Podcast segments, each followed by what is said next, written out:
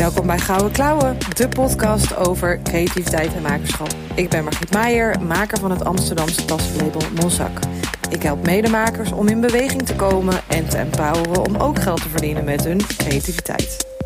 In deze podcast spreek ik makers met gouden klauwen. Ze geven een kijkje in de keuken en vertellen over alle hordes op hun pad. Zoals geld verdienen, plut zijn, gebrek aan inspiratie, gedoe met klanten en kwetterende kwelgeesten. Welkom bij een nieuwe aflevering van Gouden Klauwen. Leuk dat je weer luistert. In deze aflevering heb ik goudsmit Nina Kieft te gast. Ze studeerde eerst boekhandel en uitgeverij, maar voor een interview sprak ze een goudsmit en ze maakte een omzwaai. Ze begon met een werkbank in de huiskamer en runt nu een groot atelier met een team. Inmiddels maakt ze nog sporadisch, maar is er vooral druk met haar merk laten groeien en inmiddels met een nieuw spannend project. Maar daar ga ik je zo meteen over vragen, Nadine. Leuk dat je er bent, welkom. Dankjewel, Margriet. Ik vind het ook heel leuk. Mijn eerste podcast. Ja, te gek. Wij, uh, uh, wij kennen elkaar via Monsac. Jij hebt ooit een workshop gewonnen met je zus in ons atelier. Ja. En, uh, en, toen, en dat, dat is al best wel een tijdje geleden. Dus ik, ik zag jou weer voorbij komen. Ik denk, oeh, dat is een mooie gast voor de podcast. En toen, toen hebben we eigenlijk pas voor het eerst gekletst. Uh, best wel lang. We hebben volgens mij anderhalf uur of zo gebeld deze zomer. En daarna elkaar nog een keer gesproken. En wat ik altijd merk is dat ik het heel leuk vind als ik medemakers spreek die ook ondernemerschap heel erg leuk vinden. En dat, dat heb jij ook volgens mij. Nou, niet volgens mij, dat heb jij ook. Ja, dat heb ik zeker. Ik, uh, ik zeg al een tijdje van ik voel me meer ondernemer dan goudsmid eigenlijk. En uh, ja, ik vind het ook heerlijk om met andere ondernemers te sparren en te praten. Dat mis ik eigenlijk een beetje in mijn omgeving. Dus dat is heel leuk om een gelijkgestemde te ontmoeten. Ja, ja want het is, het is uh, maken kunnen we wel, maar jezelf in de markt zetten en jezelf uh, ja, bekendmaken en zichtbaar maken, dat is natuurlijk iets wat heel veel makers spannend vinden. Dat uh, komt ongeveer elke podcastaflevering wel voorbij en is ook een onderwerp wat ik reuze interessant vind.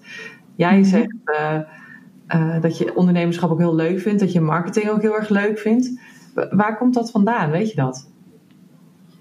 Uh, waar komt het vandaan? Nou, uh, ja, heel lang geleden heb ik wel uh, eerst voor een baas gewerkt uh, in loondienst als goudsmid. En toen kwamen daar heel vaak stylisten over de vloer. En hun merk stond heel veel in de bladen. En toen dacht ik wel van, oh, dat, ja, dat lijkt me ook wel heel vet om zo in de aandacht, om in die bladen te staan en zo met je merk. Um, dus ik heb een beetje de kunst afgekeken en gezien van, oh, blijkbaar is het belangrijk dat je, in, dat je zichtbaar wordt om uh, een succesvol merk te kunnen runnen. Dus dat, dat is van begin af aan al een beetje mijn focus geweest. Um, ja. Dus naast alleen, alleen maken, uh, dacht je ook gelijk door in: oké, okay, maar dat wat ik maak moet ik wel verkopen. En hoe verkoop ik dat dan? En dat inspireerde je. Ja, ik vind het uh, ook leuk om te merken dat je er zelf um, invloed op kan hebben. Um, ja, wacht. Eigenlijk ontmoette ik een keer een, uh, een tassenmaakster. Ja. En die uh, stond ook in allemaal bladen. En we hadden met elkaar afgesproken omdat zij zocht iemand om de studio mee te delen. En dat zou ik misschien kunnen zijn. En toen liet ze een heel portfolio zien van allemaal publicaties in bladen. En toen vroeg ik van, hè, maar hoe doe jij dat dan? En toen zei ze van, nou, mijn vriend die maakt uh, productfoto's en ik schrijf een persbericht en dan stuur ik dat gewoon in naar de bladen en zo kom ik erin. En toen ben ik dat trucje uh, na gaan doen. Dus ook, uh, ja, verhaaltjes gaan bedenken en goede foto's maken. Mm-hmm. Uh, met een beetje verhalende sieraden. Ik denk niet dat elk product even geschikt is voor een blad. Maar ik denk dat ik daar best wel goed gevoel voor heb van dit is iets mediagenieks. Of hier uh, kunnen veel mensen zich in, in herkennen of vinden. En uh, zo heb ik dat ook gedaan. En dan, dan stuurde ik gewoon uh, kleurenkopieën van de hoge resolutie foto's met een interessant artikeltje, wat ze eigenlijk rechtstreeks kunnen overnemen, bij wijze van in het blad. En dan was het al, altijd zo dat binnen twee weken hingen er meerdere redacties aan de lijn van mogen we het plaatsen. Ja. Dus, eh, maar dat, dat is wel iets van 10 of 15 jaar geleden. Toen werkte dat heel goed. En nu werkt het wel minder goed, merk ik. Die markt is wel een beetje veranderd. Ja, dat, dat is sowieso Maar- veel veranderd. Ja. Ja. Wel heel vet dat ik dus in die tijd echt in heel veel bladen heb gestaan. Dat dat gewoon werkte. Ja. Dus eh, ik weet wel dat je jezelf gewoon continu moet laten zien. Als je wil verkopen, moet je de hele tijd zeggen: hier ben ik, hier ben ik, hier ben ik. En dit maak ik. Ja, ja. En, en hoe kun je je nog ja. herinneren hoe dat in het begin... eh, want je, je, je, je hebt het jezelf aangeleerd, als ik het goed begrijp. Ja. Je hebt uiteindelijk wel nog een opleiding gedaan. Nou, ik heb eh, één jaar boekhandel en uitgeverij eh, gestudeerd. En daar gaat het ook om heel kernachtig schrijven. En wie, wat, waar, waarom. Ja, gewoon dat je die vragen beantwoord hebt. En ik heb schrijven altijd al leuk gevonden. En ook beeldend schrijven. En ehm, even denken, ik ben even de kluts kwijt. Maar dat, eh, ik, vroeg, ik vroeg of je... Of je, ehm, je hebt het jezelf aangeleerd. Oh ja, Eh, wat ik, ja, dat wou ik nog zeggen. Op een gegeven moment eh, kwam er een keertje een vrouw op mijn pad, die een journalist of iemand die, die, of een tekstschrijver, die schrijft voor andere bedrijven. En toen zei ze van ja, mag ik langskomen, want eh, ik kan je helpen in de media te komen. En toen zei ze dus van ja, want eh, heel veel ontwerpers zijn heel bescheiden over hun eigen werk. Maar als ik een stuk voor je schrijf, dan eh, doe ik dat zo lekker overdreven en ja, weet ik wat. Ik, ik heb eigenlijk alle tips wat zij zei van dit en dat ga ik zo doen. Die heb ik in mijn hoofd opgeslagen. En vervolgens zei ze van, nou, en dit kan ik je aanbieden voor eh 2.500 euro. En toen dacht ik, ja, nou, oké. Nou, dan ga ik het dan gewoon zelf doen, weet je wel. En dan ga ik gewoon zelf in de derde persoon eh, schrijven. Doe ik alsof ik mijn eigen persbureau ben. En dan ga ik gewoon heel erg in geuren en kleuren lekker overdreven over mezelf eh, dingen uitvergroten en weet ik wat. En dat werkte dus, want ja, ik kreeg wel eens eh, feedback van eh, magazines. En die, die dachten dan dat ik een PR-afdeling had of zo, weet je wel. Terwijl Ja. ik het allemaal zelf deed. Ja. Dus het was ook een beetje bluffen van wij, ja. terwijl ik was. Maar ja, dat is heel grappig. Maar die bescheidenheid, die zat jou dan niet in de weg? Of hielp het je omdat je een andere rol speelde eigenlijk van de PR-medewerker van je bedrijf die er niet was? Ehm, nee, ja, nee, ik denk niet per se die andere rol, maar die bescheidenheid zit me niet in. de weg. Lucky you! Maar ja, nee.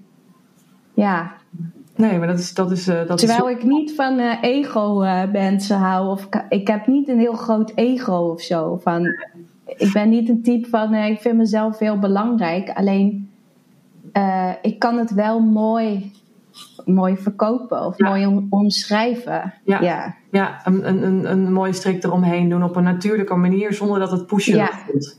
ja. Ja. Ja, dat, dat, dat herken ik ook. Dat, dat, eh, dat, is, een, dat is ook een eh, talent, denk ik. Nou, ja. Zo, zo ervaar ik dat. Ja. Maar eh, oké, dus, dus, dus je, mm, eh, je maakte, je leerde dat jezelf aan. En vervolgens ging je dus je eigen eh, PR-bureau eh, oprichten voor jezelf. En eh, eh, daardoor eh, groeide het merk. Hey, en, Mhm. en had je van tevoren, want, want eh, je, je maakte die ommezwaai, maar had je van tevoren ook al het idee van: oké, hier. eh, waarschijnlijk vond je het spelletje ook leuker van. Van hoe, hoe, bouw ik nou, hoe bouw ik nou zoiets? Maar had je van tevoren ook het idee van hier. Dit, dit, dit ga ik lang. eh, ja, hier ga ik me inbijten en dit gaat gewoon lukken? Of was het meer gewoon een leuk, leuk project? En ja, hoe Nou, serieus doe je dat toen?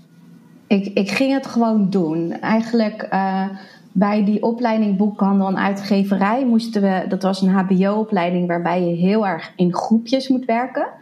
En eh, ja, ik ben een introvert persoon. En er was altijd de persoon met de grootste mond die bepaalde wat we dan gingen maken. Terwijl ik zelf vond dat ik eigenlijk veel vettere ideeën had.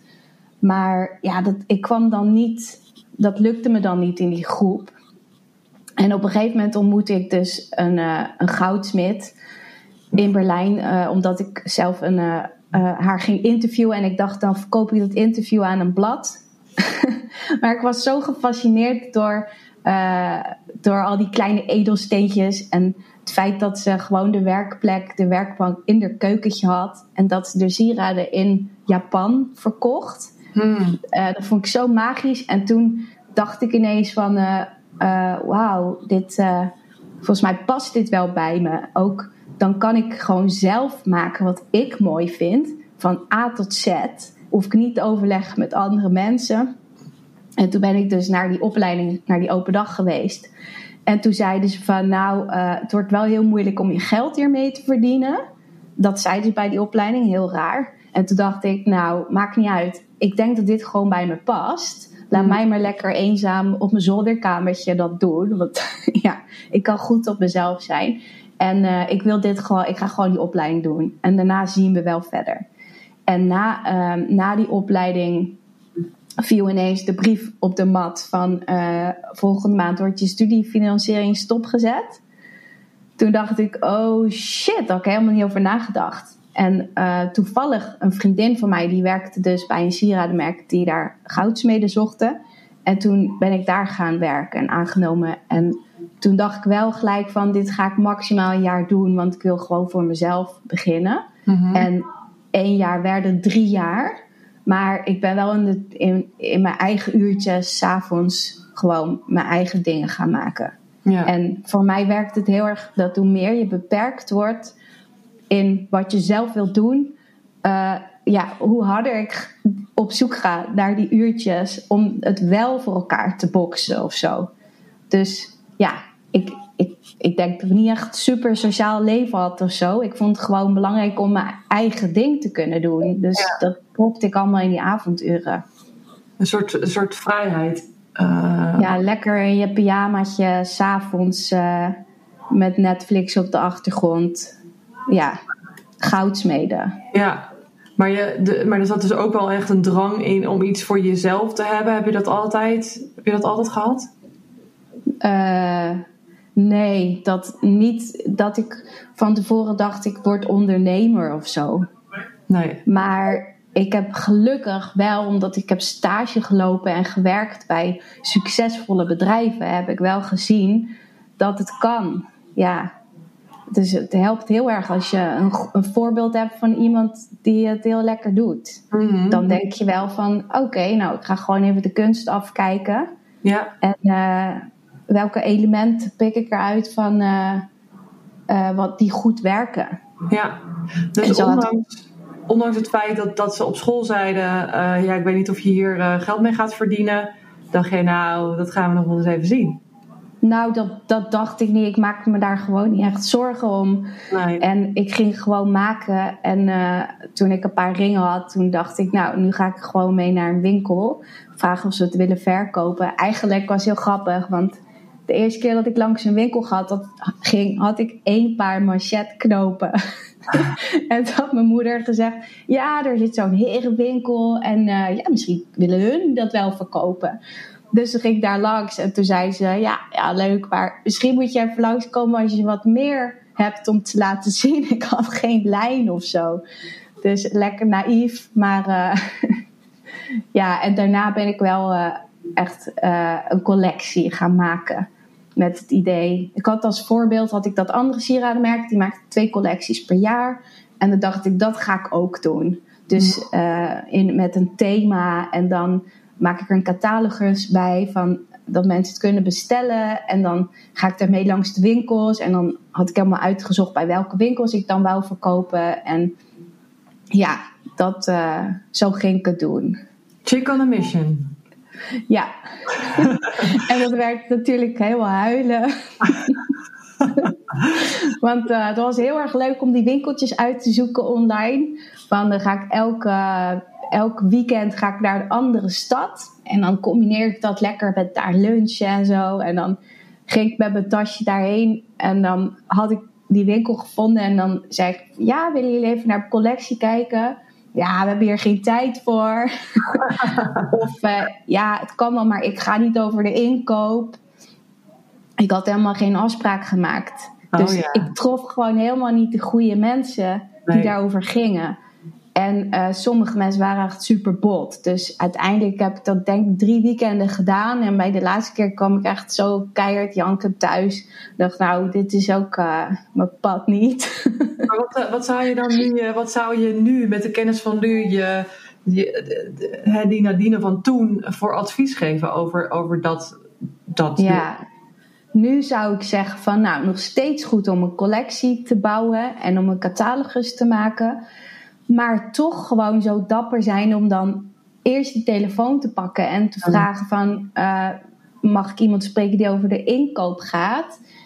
En uh, een goed verhaal klaar hebben, denk ik ook, over je eigen merk waarvoor je staat. Waarmee je die mensen kan triggeren om toch met jou af te spreken, omdat je dat mag laten zien of zo. Ja. Ja. En eigenlijk is dat hetzelfde verhaal als wat je in, dat, wat je in een PR, uh, persbericht schrijft. Het moet iets kietelen bij iemand. Uh, ja. Het moet anders zijn dan al die andere sieradenmakers die al lang zijn gekomen. Dus dat is de kracht van een, van een goed merkverhaal is echt uh, heel sterk. En daarmee haal je iemand binnen of, of, de, of denkt diegene, ja. nou, ik ga nog even verder kijken. Nou, en daar heb ik vroeger eerlijk gezegd nooit over nagedacht. Ik ben al 18 jaar bezig en het is pas sinds een jaar geleden of zo dat ik dacht van, oh wacht, misschien moet ik een goed merkverhaal hebben waar ik voor sta. Of wat zijn nou dan mijn kenmerken? En ja, ik denk dat ik onbewust wel dingen goed deed, omdat ik gewoon heel dicht bij mezelf sta en heel erg gewoon de echt, echte Nadine laat zien. Dus mensen zien al dat mijn merk, dat, dat ik humor heb of zo, weet je wel.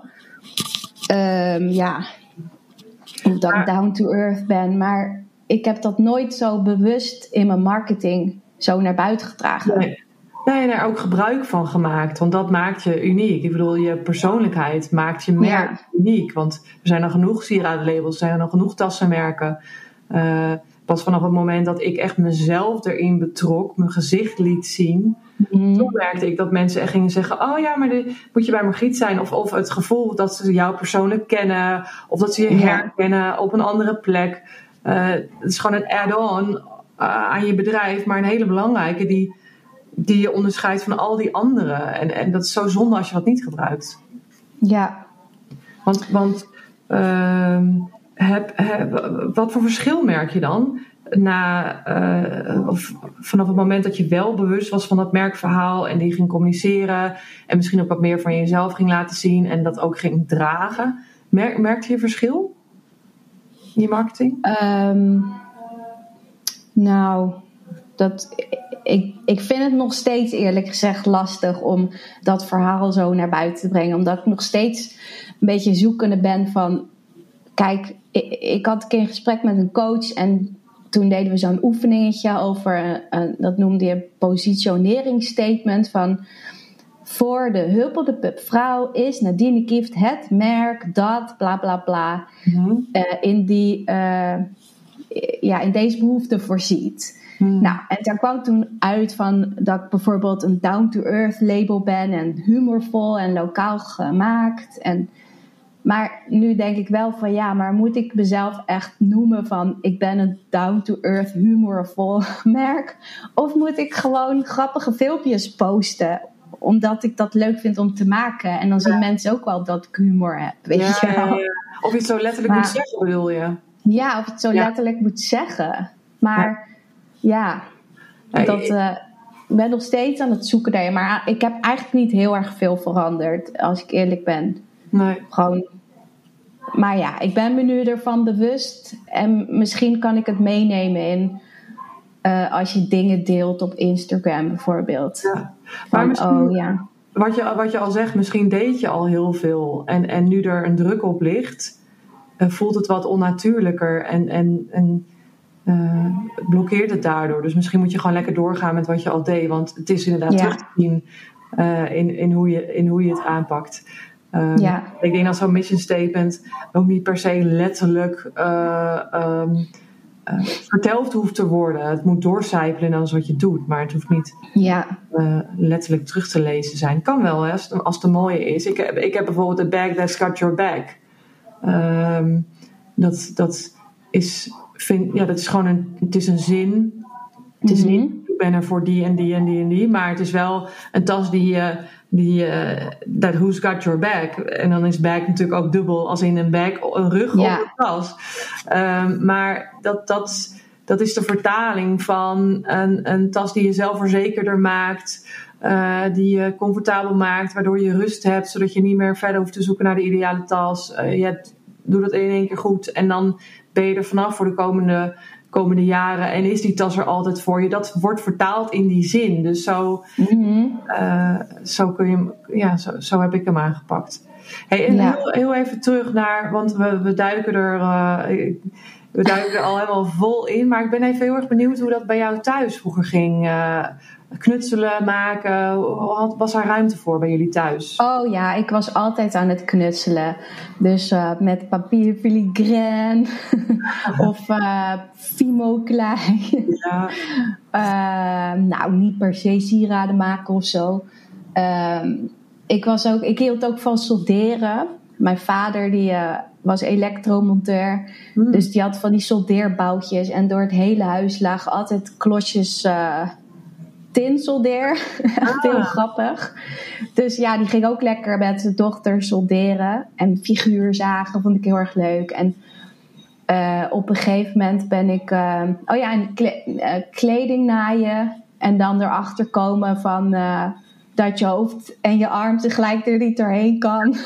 en helemaal gefrustreerd en boos. Wah! Ja, dat was gewoon al van jongs af aan. Dan, ja, heeft er altijd ingezeten. En eh, eh, toen op de middelbare school, toen kon ik gelukkig handvaardigheid kiezen. Dus toen heb ik ook eh, hand, dat een creatief, ja, had ik een leuk pretpakket. Ik had ook nog muziek als eindexamenvak. Lekker creatief. Ja, En- ja dus dat is grappig, want op een gegeven moment toen ik 15 was, toen nam mijn vader me een keertje mee naar Schoonhoven. Eh, en toen, eh, want hij dacht, mijn dochter moet goudsmid worden. Maar toen liet hij me dus zo'n juwelierszaak zien. En ik zag alleen maar gouden kettingen en sieraden, spuuglelijk. En ik zag niet van dat iemand dat maakte of dat er iemand achter zat. Maar dat was ook gewoon volgens mij een juwelier. Dus dat maakte ook niet echt een goudsmid. Maar ja, ik vond daar helemaal geen zak aan. Het was gewoon schouders optrekken en van ja, oké, nou nee.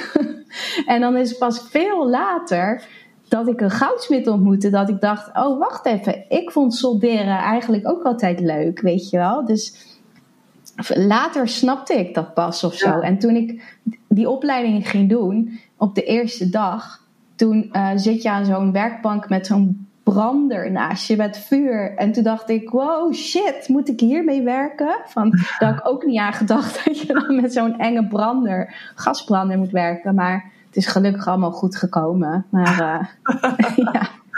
Maar je, wel Ja. leuk dat je vader, dat, je vader ehm, dat al voorzag, maar ook dat hij Ja. de ruimte gaf om dat te, te, te doen. Want je hoort ook genoeg ouders die zeggen, nou doe dat maar niet, want dan kun je toch geen geld mee verdienen. Maar dat was bij Nee. jou niet zo. Nee, dat was bij me, nee, dat hebben ze nooit gezegd of zo. En eh, nee.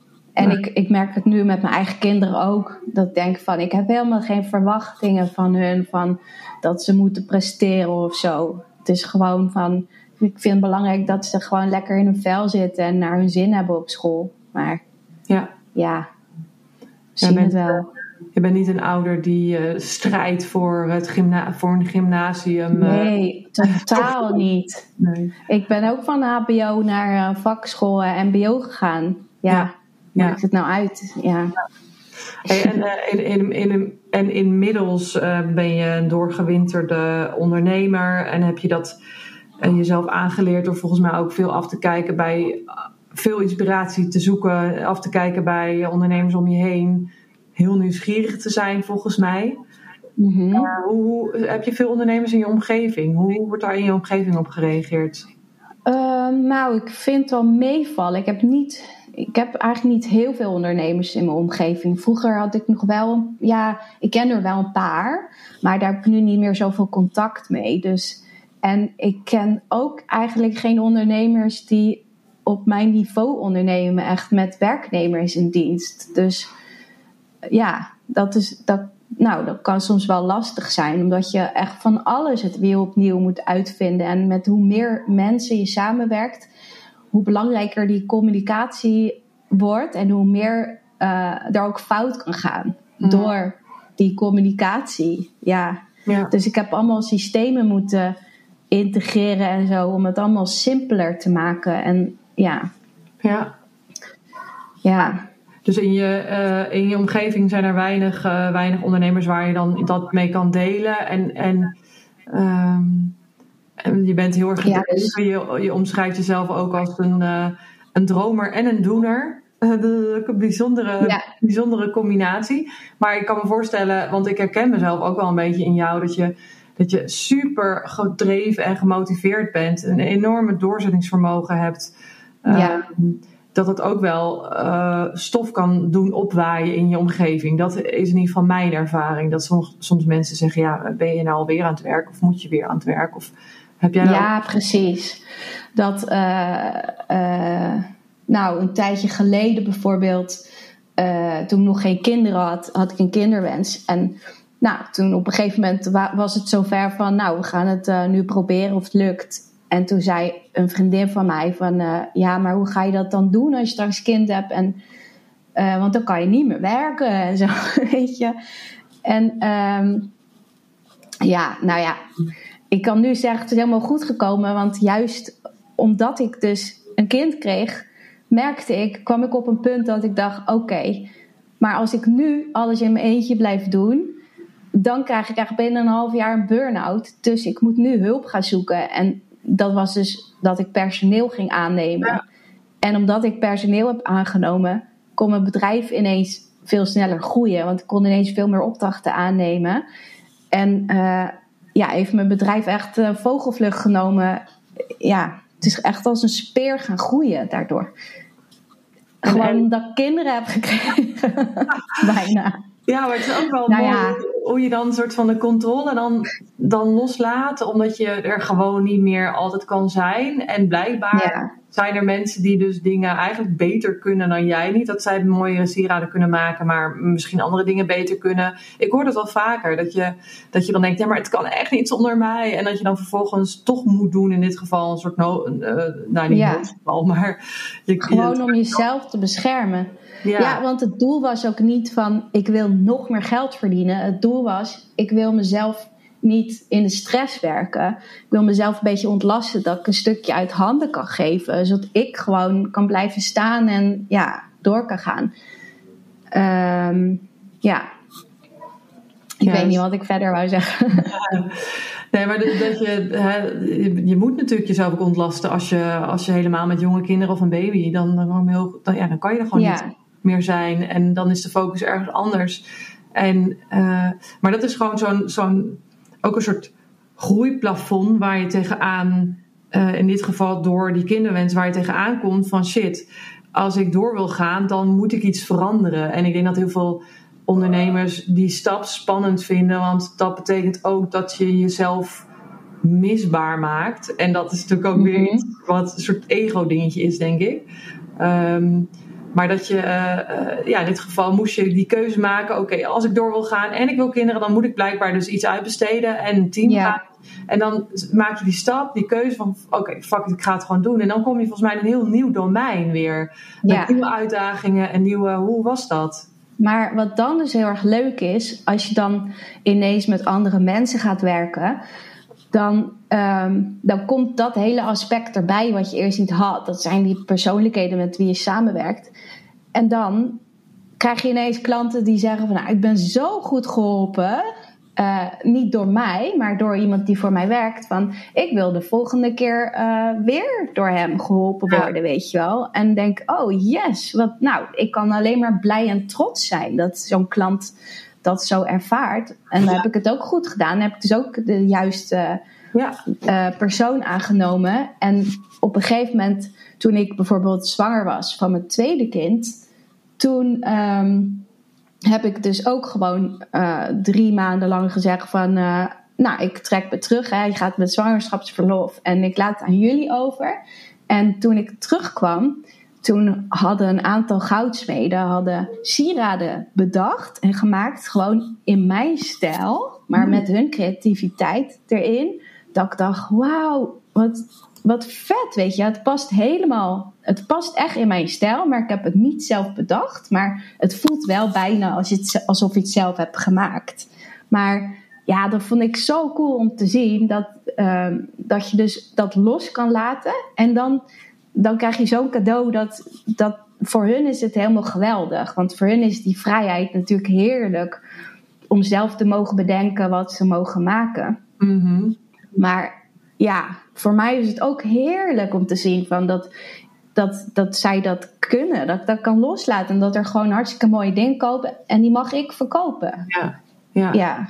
Ja, dat het ook niet meer allemaal van jou afhangt. Want dat is ook een, nee. ik soms ook een drukkend gevoel. Dat, ja, maar neem nou zoiets als die uh, coronacrisis van twee jaar geleden. Dan kan je als ondernemer met personeel misschien denken van shit, weet je wel, ik heb de verantwoordelijkheid voor al die mensen en nu komt er geen geld meer binnen, want alles is op slot. Maar ik voelde op dat moment ook heel erg van ja, maar iedereen binnen mijn team is erbij gebaat dat wij nog steeds geld gaan omzetten.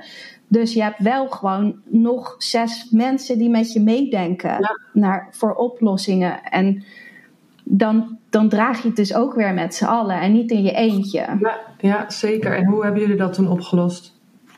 Nou, toen. Um, ik word altijd heel creatief, uh, juist in die beperkingen.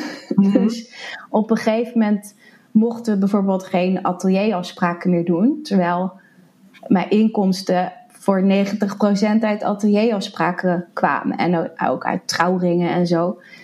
Uh, dus toen, toen ik hoorde van we gaan op slot, toen dacht ik meteen van oké, alle focus nu op die webshop. Ik had gelukkig al een webshop lopen. En um, toen zijn we heel snel als een malle um, wat een beetje goedkopere producten gaan maken. Uh, die ik online kon verkopen. En uh, ook een kortingsactie gedaan trouwens. Daardoor heb ik wel wat minder winst gemaakt, maar wel een goede omzet gehaald. Ja.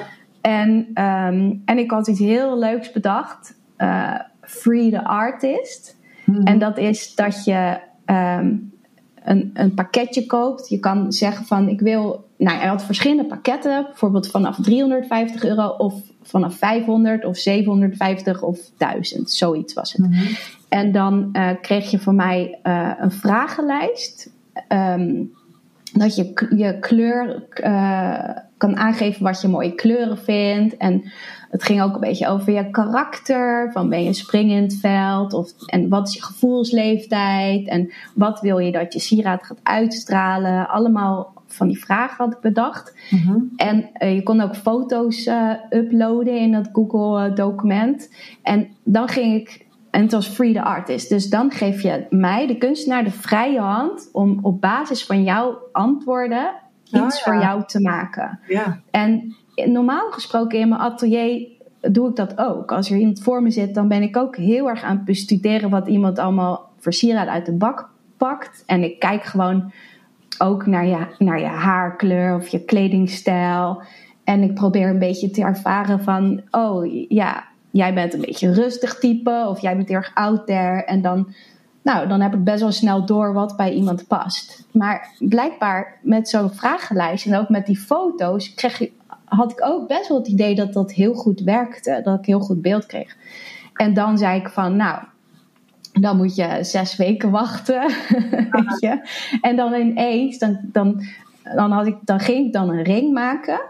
En dan stuurde ik dat gewoon op. Zo van, het is nu klaar. En dan is het heel spannend natuurlijk of iemand het leuk gaat vinden. Ja. En ik had wel gezegd van, ja oké, okay, als je het echt niet leuk vindt... dan hoef je het echt niet te houden, weet je wel. Dan krijg je gewoon een tegoed of je mag iets ruilen uit de collectie. Maar ja, ik vond dat zo leuk, omdat... Um, als, als kunstenaar is het allerleukste is als je zelf mag weten wat je gaat maken. En als je dat ook nog eens verkoopt. En het is veel leuker dan dat een klant zegt van ik wil dit, dit en dat en dat, weet je wel. Dus ehm, en uh, ja, het, het, idee was ook een beetje ontstaan, onder andere doordat ik ook wel eens een, een tatoeage heb laten zetten.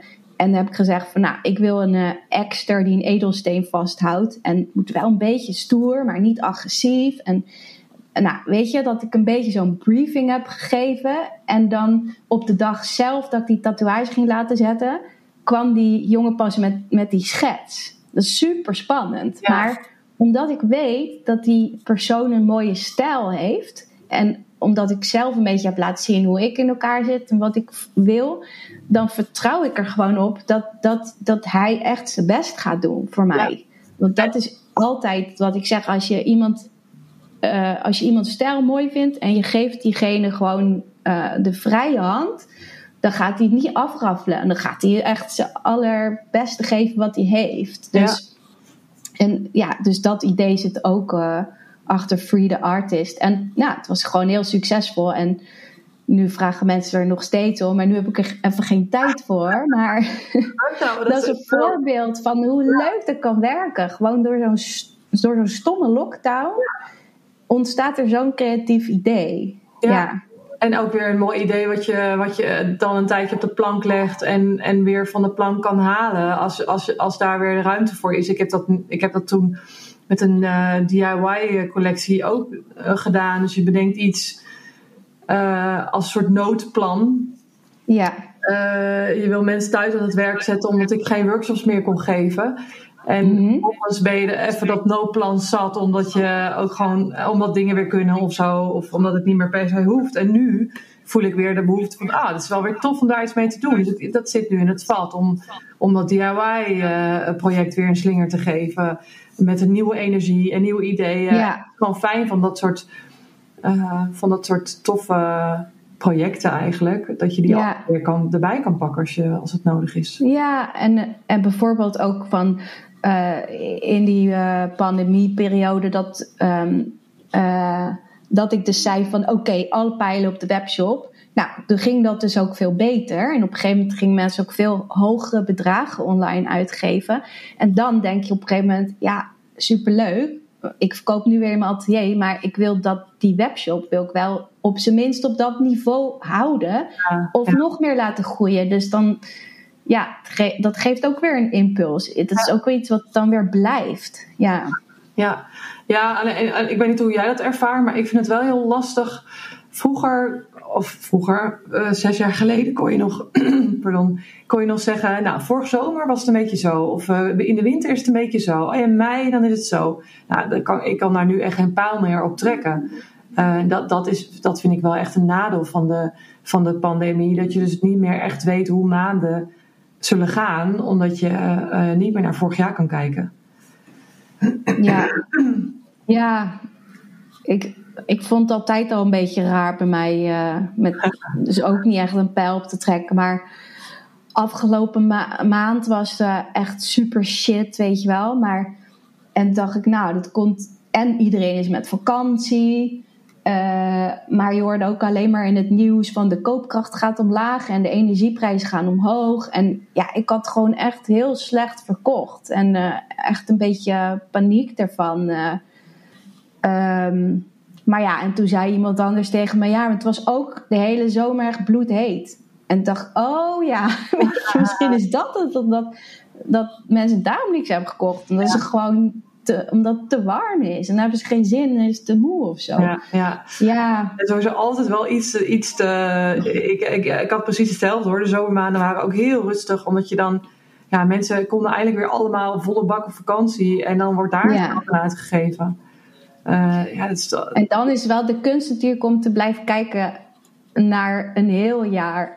Ja. of de, en niet die ene maand en daarop blind te staren. Maar want alles in het gemiddelde, uh, ja, ben ik nog steeds aan het groeien, gelukkig. Ja. Uh, ja. Ja en over groeien. En dat geeft ook, ja, het geeft ook weer een impuls. Mij geeft het al een impuls om dan te zeggen: oké, okay, maar wat ga ik dan nu doen? Uh, nou, ik gooi mijn marges omhoog. Ja. ja. Of we gaan zorgen dat ik meer afspraken kan doen. Ja, ja het, is dit, het houdt je scherp. Het houdt je scherp. Dat, ja, zeker. Hey, en over nieuwe uitdagingen gesproken. Je bent met een nieuw merk bezig. Vertel daar eens over. Uh, ja, dat, dat, het klinkt een beetje misschien voor buitenstaanders van... Hè, hebben ze nou, weet je wel, ineens begin je weer een nieuw werk. Uh, waar komt het vandaan? Maar het zat al langer in het vat. Ik merkte al langer van... Uh, nou, mijn eigen sieraden... Die, daarvoor moet je misschien best wel sparen. De meeste mensen die wachten bijvoorbeeld tot ze 40 zijn geworden... of 50, of trouwen, verloven... Dat, uh, omdat ik zit een beetje in het midden- en hoog segment, zeg maar. Maar ja, ik wil gewoon altijd blijven groeien. En ik wil ook gewoon de, een wat jongere doelgroep aanspreken. Dus ik had al bedacht om um, ook wat goedkopere sieraden op mijn site te verkopen. Alleen, um, ja, ik zat heel erg te zoeken ook naar hoe ik dat ga communiceren op één website. Van, ik had eerst bedacht van, dan heb je eigenlijk een soort blossom collectie en een bloom collectie. En bloom is voor de volwassen vrouwen die, ja, nou ja, mhm. gewoon echt ja, heel duidelijk twee doelgroepen. Maar dat vond ik best wel lastig om dat op één webshop zo duidelijk te maken. Uh, en ik merkte van ook met die goedkopere sieraadjes, van dan dan moet je dus gaan beknibbelen op materiaal. En dan kan je er eigenlijk ook weer veel minder creativiteit in kwijt. Want je, je, je kan dan niet zoveel met die vormgeving, omdat je gewoon veel minder materiaal hebt. Mhm. En um, toen zat ik vorige week bij, bij mijn kapster. En toen, zei, toen hadden we het erover. Uh, ze, ik zei van ja, er zijn ook best wel veel merken die mijn sieraden namaken. Of je ziet steeds meer, zie ik dingen ah. bij andere ontwerpers. Dat ik denk, nou, weet je wel, ja. dat is een idee van mij. Maar ja, ik maak me niet, niet super druk om of zo. Maar ze, zij vroeg van ja, en maken die dat dan ook, is, is hun werk dan ook goedkoper? En toen zei ik nou, ja, misschien een beetje. En toen zei ze, ja, kan jij dan niet uh, van je eigen werk een goedkopere versie maken, zodat je hun weer kan concurreren als het ware. En toen dacht ik, nou oké, zo, dat is niet waarom ik dit ben begonnen. Dat is niet per se dat idee erachter, maar wel van uh, een goedkopere versie van mijn eigen werk of een soort instapmodel voor een jongere doelgroep van mijn eigen werk die mijn sieraden nog niet kunnen betalen. Want het zou me niks verbazen als 80% van mijn Instagram-volgers mijn sieraden helemaal niet kan betalen of niet koopt. Of nog meer. Ja, en het is ook een uh, aankoop die, die uh, dat is net met een tas, waar mensen echt langere tijd over nadenken. Of inderdaad een, een, een, een, gelegenheid als reden moeten hebben om, om dan eindelijk te gaan kopen. Maar eerst zitten ze heel lang verlekkerd te loeren. Te kijken, ja, precies. Echt heel lang, jaren. en uh, toen, um, nou, oh ja, toen hadden we het over materiaal. Uh, want een van de goedkopere dingen, ja, ik werk nu dus eigenlijk alleen met goud. En je zou het bijvoorbeeld in zilver verguld kunnen doen. Maar dat slijt eraf. En dat, daar kan ik gewoon niet achter staan. Ik, en ik vind zilver echt niet leuk zelf om mee te werken. Dus dat gaan we niet doen. Maar ik zag een andere trend. En dat is dat je nu steeds meer vintage merken ziet oppoppen. En die verkopen heel veel um, sieraden van 9 karaat. Hm. Uit Engeland, 9 karaat goud. En dat is natuurlijk veel goedkoper. En dus ik denk dat je dan misschien op de helft van de prijs zit van, van mijn sieraden nu. En toen dacht ik van, nou, misschien hebben zij de markt alvast een beetje warm gemaakt voor 9 karaat. Mm Dat is niet meer voor iedereen vreemd, maar 9 karaat goud mag in Nederland geen goud genoemd worden, maar alleen 9 karaat. En toen zei mijn kapster, waarom noem je het niet 9 carat bij Nadine of iets? En dan schrijf je het uit. En toen was ik thuis, dacht ik, 9 carat, ja, klinkt eigenlijk best wel cool, weet je wel. En ik ik zie het ook gelijk vormen met die letters. En uh, toen ging ik kijken snel of die domeinnaam nog beschikbaar was. En dat was. Dus gelijk geregistreerd. En toen dacht ik, ja, dit is echt vet. En 9 carat is ook, afkort is, is NK, Nadine Kieft. Ja. En je, je snapt gelijk wat het is. Sieraden van 9 karaat. Ja. En ja. Uh, ja, dus dat klopt al heel erg. En toen dacht ik van oké, maar nu ging ik dus wel heel serieus nadenken over een soort positioneringsstatement. Wat ik bij Nadine Kief niet heb gedaan. Toen dacht ik, waar staat het dan voor? En toen uh, heb ik de hele dag over nagedacht. En, nee, een avond. en toen dacht ik op een gegeven moment van, nou, iets van... Ik ga het wel in het Engels doen ook, die webshop. Van meaningful jewelry essentials. Um, en ook jewelry to empower. En dan uh, eigenlijk wil ik meer uitdragen van je hoeft dan niet te wachten tot je 50 bent, maar meer van oh, ik heb zin om een verre reis te maken. Dat ik denk, yes, go for it. En misschien vind je het leuk om een, een sieraadje mee te nemen van als een soort talisman of zo. Of uh, ik heb een nieuwe baan en yes, weet je, ik koop nu deze ring, want dan heb ik een mooie herinnering van dat, dat, nou ja, dat. Dus eigenlijk kan je dan dus veel meer momentjes vieren. Want je, iedereen, ik vind dat je eigenlijk gewoon de hele tijd heel veel momentjes in je leven moet je vieren en bij stilstaan en dankbaar voor zijn. En dan kan je het misschien ook belonen. Ja, dan kan je jezelf een leuk sieraad cadeau doen. En uh, ja, dus dat wordt ook wel een ander soort marketing dan bij Nadine Kief. Want ik wil het gewoon echt dat heel erg uitdragen van ja, je mag trots op jezelf zijn en ga gewoon lekker je dromen achterna. En uh, ja, stand out, speak out. Ja. Je, wees gewoon lekker, je, ja, je mag jezelf zijn. Je hoeft je niet aan te passen. Nou ja, dat wil ik daarmee uitdragen. Ja. Nou ja, en het zal, het zal ook wel weer tof zijn dat je uh, met, met al die ervaring die je nu hebt, een nieuw merk starten, dat dat uh, ga je dan ook heel anders aanpakken. Veel, veel meer doordacht en, en um, met, al, ja, met, met alles wat, wat je probeert voor, voor je andere label. Uh, maar ik, ik vond het zelf, toen ik met de makerscoach begon, ook wel confronterend of zo. Dat je, je bent uh, uh, nou in jouw geval 18 jaar geleden, in mijn geval 10 jaar geleden, super bleu. Je weet nog heel, je weet nog bijna niks over ondernemerschap. Mhm. Dus je gaat gewoon en je probeert allerlei shit. En nu weet je zoveel.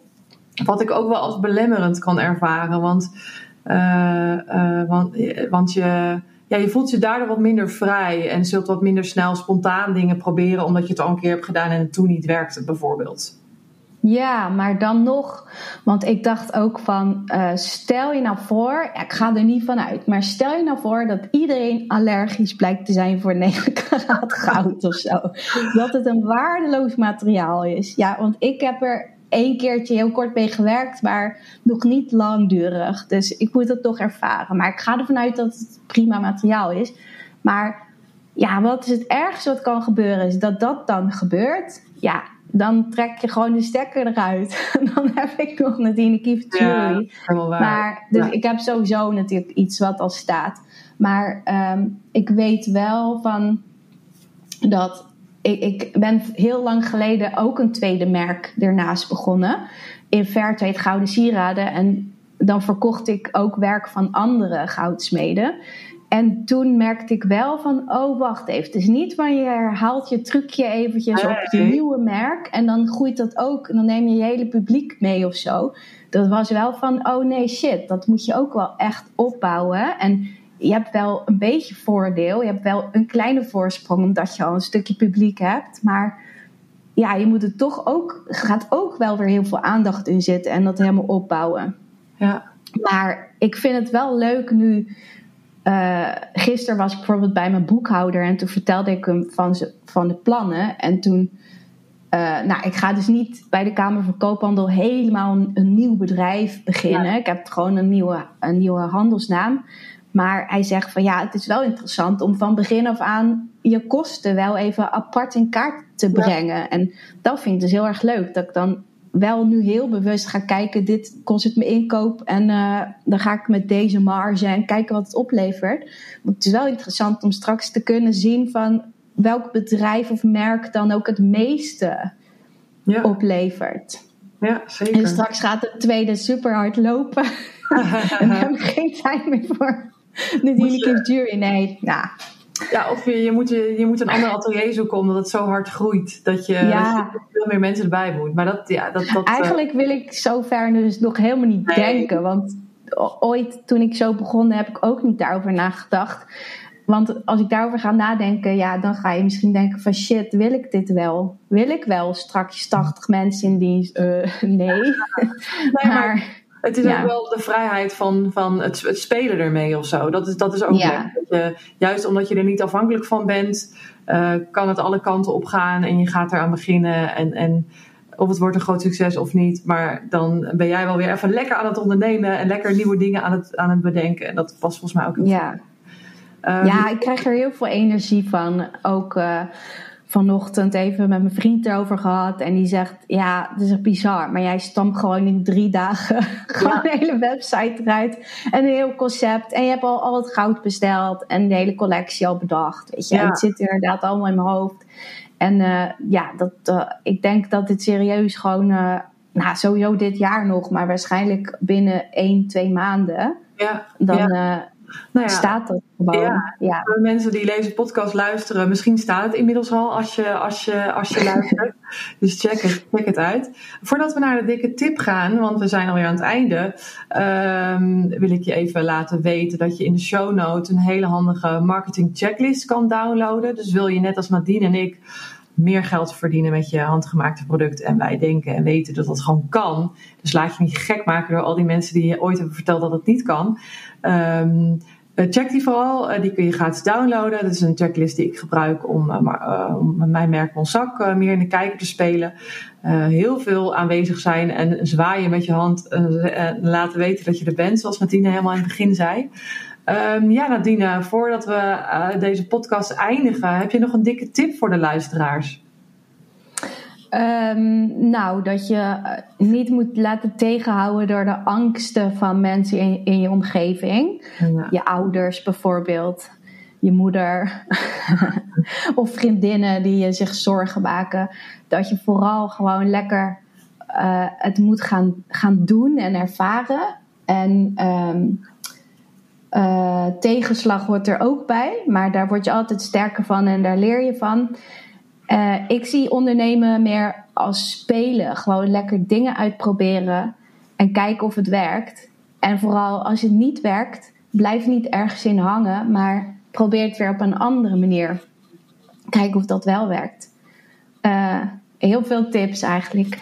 Ik heb ook nog tip dat ik vind zo'n positioneringsstatement ook wel echt een goed idee. Dat je echt voor jezelf gaat nadenken waar, waar je voor staat. En ook als je bijvoorbeeld je werk in winkels wil verkopen, dan maak je het gewoon de mensen die jouw werk moeten verkopen veel makkelijker als je hun een verhaal aanreikt wat zij weer kunnen vertellen aan hun klanten. Ja, ja. en Eh. wat jij duidelijk kan vertellen in jouw content weer. Dat het gewoon een betrouwbaar, duidelijk, vastomlijnd verhaal is wat je in allerlei varianten dan wel kan vertellen. Precies. Eh, Het helpt ook voor jezelf Ja. eh, als je niet zo goed weet wat je op Instagram moet delen, bijvoorbeeld. Als je gewoon dat voor jezelf hebt vastgesteld van waar je voor staat en welke pijlers je wilt delen, dan hoef je niet steeds die keuze opnieuw te maken. ja, zeker. Maar- ja, dat, als, je, eh, als je dat wil leren, ga vooral naar mijn website. Want in mijn online training leer je precies dit. Dus dat is, dat is een, eh, een hele mooie. Hey, we moeten afronden, Nadine, want ik wil heel graag onder het uur blijven. Anders gaan mensen niet Ja. meer luisteren. we kunnen nog uren kletsen, maar eh, dat, eh, dat eh, misschien in een, in een tweede versie. Als, als je verder bent met je merk, dat we kunnen, kunnen horen hoe het, hoe het als daar ik bij de bijenkorf lig. Ja, ja, ja, ja, top. Hey, super bedankt. Leuk dat je er was, Nadine. Dankjewel, Margriet. En, leuk dat je luisterde en tot de volgende keer.